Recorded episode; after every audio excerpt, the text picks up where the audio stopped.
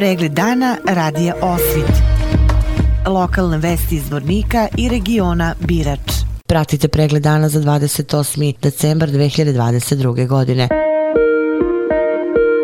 Danas je održana 17. redovna sednica Skupštine grada Zvornika, ujedno i poslednja u ovoj godini.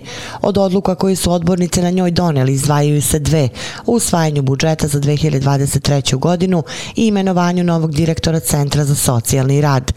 Na ovu skupštinskom zasedanju odbornice su jednoglasno usvojili budžet grada Zvornika za 2023. godinu u iznosu od 36 miliona i 900 hiljada konvertibilnih maraka, a dužnost je razrešen dugogodišnji direktor Centra za socijalni rad Zvornik Vukaše Nikolić, a na njegovo mesto jednoglasnom odlukom odbornika završioca dužnosti izabran je Ivan Stević ispred Demosa. Zameni gradonačelnika Zvornika Bojan Ivanović rekao je da će sa budžetom u narednoj godini grad moći izvršiti sve zakonom preuzete obaveze.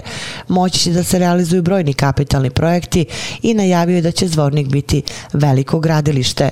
On je naveo i da će u narednoj godini moći da se daju subvencije brojnim projektima koji su bitni za građane.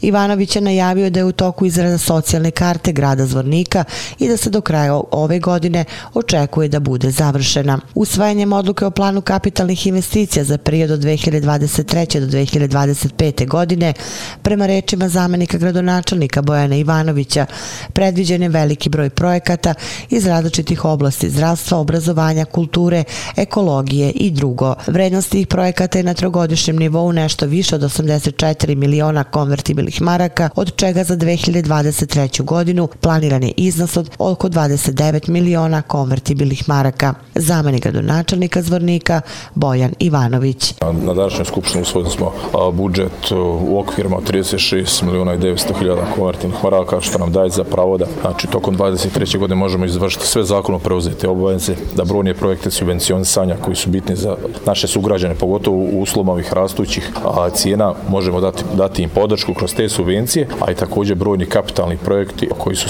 sadržani u kako strategiji razvoja, tako i danas u svojnom planu kapitalnih investicija će moći da se realizuju tako da će sigurno izvornik tokom 23. godine biti jedno veliko grad. Usvojena je odluka o visini vrednosti nepokretnosti po zonama na teritoriji grada na dan 31. decembar 2022. godine. Definisano je šest gradskih i šest van gradskih zona za koje je utvrđena visina vrednosti nepokretnosti, a cene su shodno kretanjima na tržištu veće od prošlogodišnjih. Odbornici su usvojili predlog uslova za finansiranje sporta i raspodelu sredstava sportskim organizacijama grada Zvornika za 2022. godinu. Ujedno je usvojena i odluka finansiranja nosilaca razvoja sporta grada Zvornik. Kako je rekao načelnik odalenja za privredu i društvene delatnosti Darko Stefanović, u ovoj godini grad Zvornik je izdvojio veća sredstva sredstva, pošto je došlo do povećanja budžeta.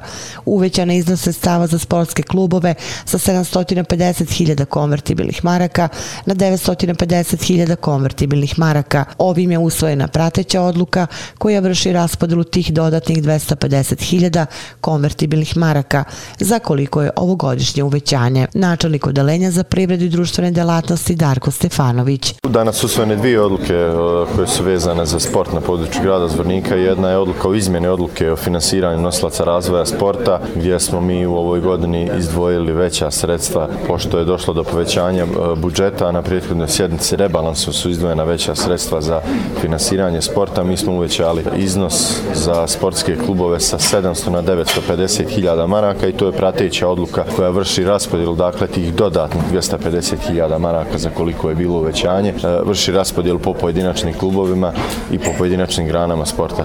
Što se tiče druge odluke, to je odluka u uslovima i kriterijima načina za finansiranje nosilaca razvoja sporta. E, to je jedna odluka koja je i ranije ovdje bila usvojena prije četiri godine. ovom odlukom dodatno smo uskladili neke zakonske norme s obzirom da je e, došlo do usvajanja novog zakona o sportu u 2020. godini, e, novog pravilnika o kategorizaciji sportova u Republike Srpskoj i gradu Zvorniku, tako da smo tu propisali nove uslove za, za sve e, nosioce razvoja sporta. E, dakle, bit će u narednom periodu nakon usvajanja ove odluke i stupanje na snagu, bit će raspisan javni poziv za sportske klubove i pojedince koji ostvaraju značajne rezultate, a koji su iz, iz grada Zvornika, gdje se mogu prijaviti i konkurisati za dobijanje sestava koja su odvojena za, za e, sportske klubove. Odbornik SDS-a Bojan Lukić izjavio je po održavanju sednice Skupštine grada da je Srpska demokratska stranka podržala ovaj budžet iz razloga što je gradska uprava u plan kapitalnih investicija uvrstila njihov predlog da se uradi vodovod u Šetićima. Realizacija ove investicije, kako je naveo, pratit će tokom iduće godine. Kompanija Alumina završila je izgradnju nove uparivačke baterije francuskog proizvođača Kessner po obimnosti radova i uloženim sredstvima.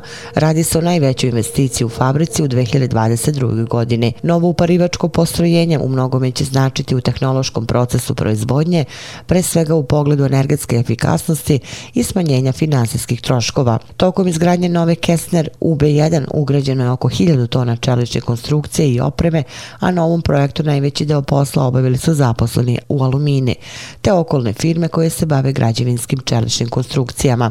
Savremeni upravljački sistem i celokupna oprema automatike prilagođena je praćenju svakog segmenta pri radu ovog uparivačkog postrojenja, što će omogućiti uočavanje eventualnih problema svakog dela procesa, upravljanje i blagovremenu mogućnost korekcije u cilju što efikasnijeg rada. Opširnije na sajtu radiosvit.com. Centar za savremeni ples, umetnost i kulturu Studio 001 u četvrtak 29. decembra organizuje novogodišnji koncert koji će biti održan u Domu omladine sa početkom u 20 časova. Na koncertu će učestvovati sve plesne grupe. Imaćete priliku da vidite kako se pleše bolero, tango, salsa, hip-hop i breakdance. Na kraju koncerta biće proglašena najbolja koreografija i najbolji plesač. U okviru novogodišnjeg koncerta osnovne muzičke škole Vojin Komadina koji je održan sinoć u domu omladine izvedeno je 35 tačaka, a na koncertu je učestvovalo preko stotinu učenika koji su izveli delom program po sobstvenom izboru i onaj koji se uči u školi. Koncert je trajao dva časa, tamo da svoje umeće sa ljubavlju, učeno i naučeno pokažu mali veliki umetnici. Sviralo se i pevalo, publika nije štedela da nagradi sve izvođače.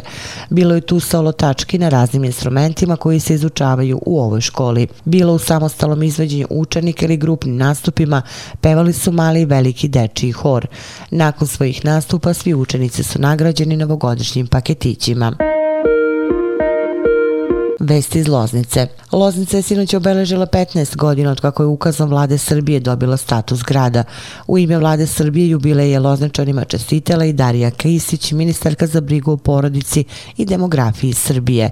Opširnije na sajtu lozničkenovosti.com. Pratili ste pregled dana za 28. decembar 2022. godine. Hvala na pažnje. Pregled dana radija Osvit lokalne vesti iz Vornika i regiona Birač.